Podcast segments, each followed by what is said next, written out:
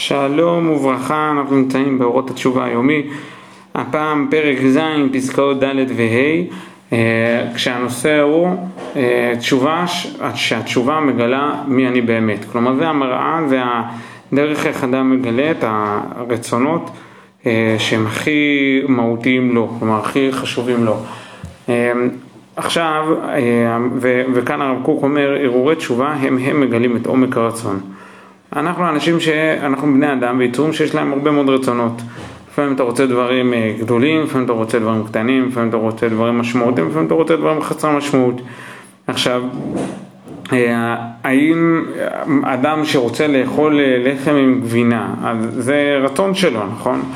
אבל האם אפשר להגדיר אותו שזה המהות של האדם, שזה מישהו, הוא אדם שאוכל אה, לחם עם גבינה, לא, יש רצונות שהם הרבה יותר מגדירים, שהרבה יותר קשורים אליו, לאופי שלו, למי שהוא באמת, ויש רצונות שהם לא מאפיינים אותו, אלא הם אה, עוד איזה סעיף, עוד איזה משהו שצריך לטפל בו, והרהורי תשובה מגלים את עומק הרצון, כלומר את הרצון הכי עמוק שלנו. עכשיו, בעצם האמירה שאנחנו רוצים להיות במקום טוב, אנחנו רוצים להיות אנשים טובים, אנחנו רוצים להיות במקום שמתקדם, שלומד, שמתפתח, שנהיה יותר ויותר טוב, שנהיה יותר ויותר צדיק, יותר ישר, פחות אגואיסטי, יותר, אה, יותר אלטרואיסטי, כלומר אנחנו כל הזמן רוצים להיות במקום שהוא קצת יותר טוב מאשר איפה שהיינו אתמול ושלשום, ולראות איזשהו ציר התפתחות שאנחנו הולכים ונעשים אנשים טובים יותר ויותר, וזה,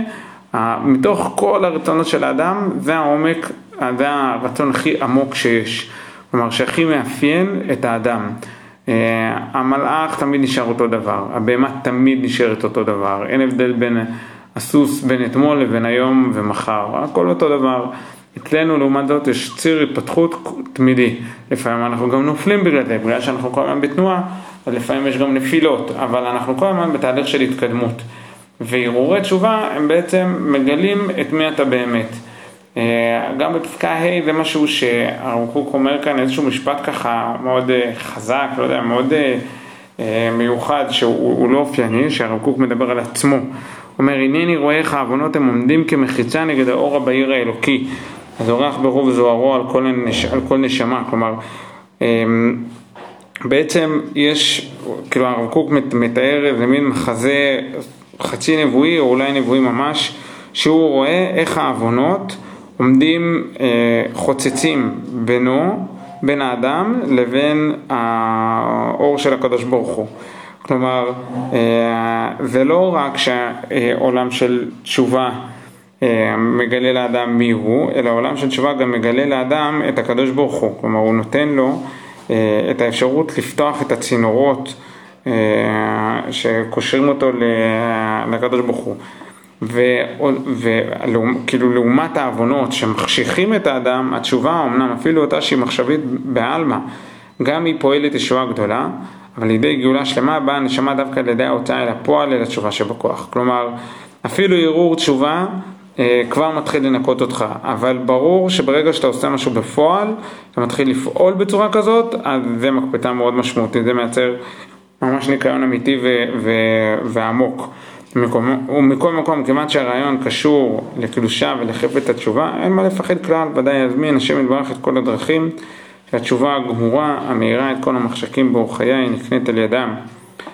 כלומר, אמ, בגלל שהתפיסה של האדם נמצא בתשובה וכל הזמן בתודעה של תשובה כזאת, כלומר הוא כל הזמן נמצא במצב של טוב אני נמצא במקום טוב אבל אני רוצה להיות במקום טוב יותר, כל הזמן להתעצם, אה, בגלל שאדם נמצא בתודעה של תשובה אז, אה, אז זה גם יקרה בפועל וממילא יאיר את כל הנקודות החשוכות בחיים של האדם.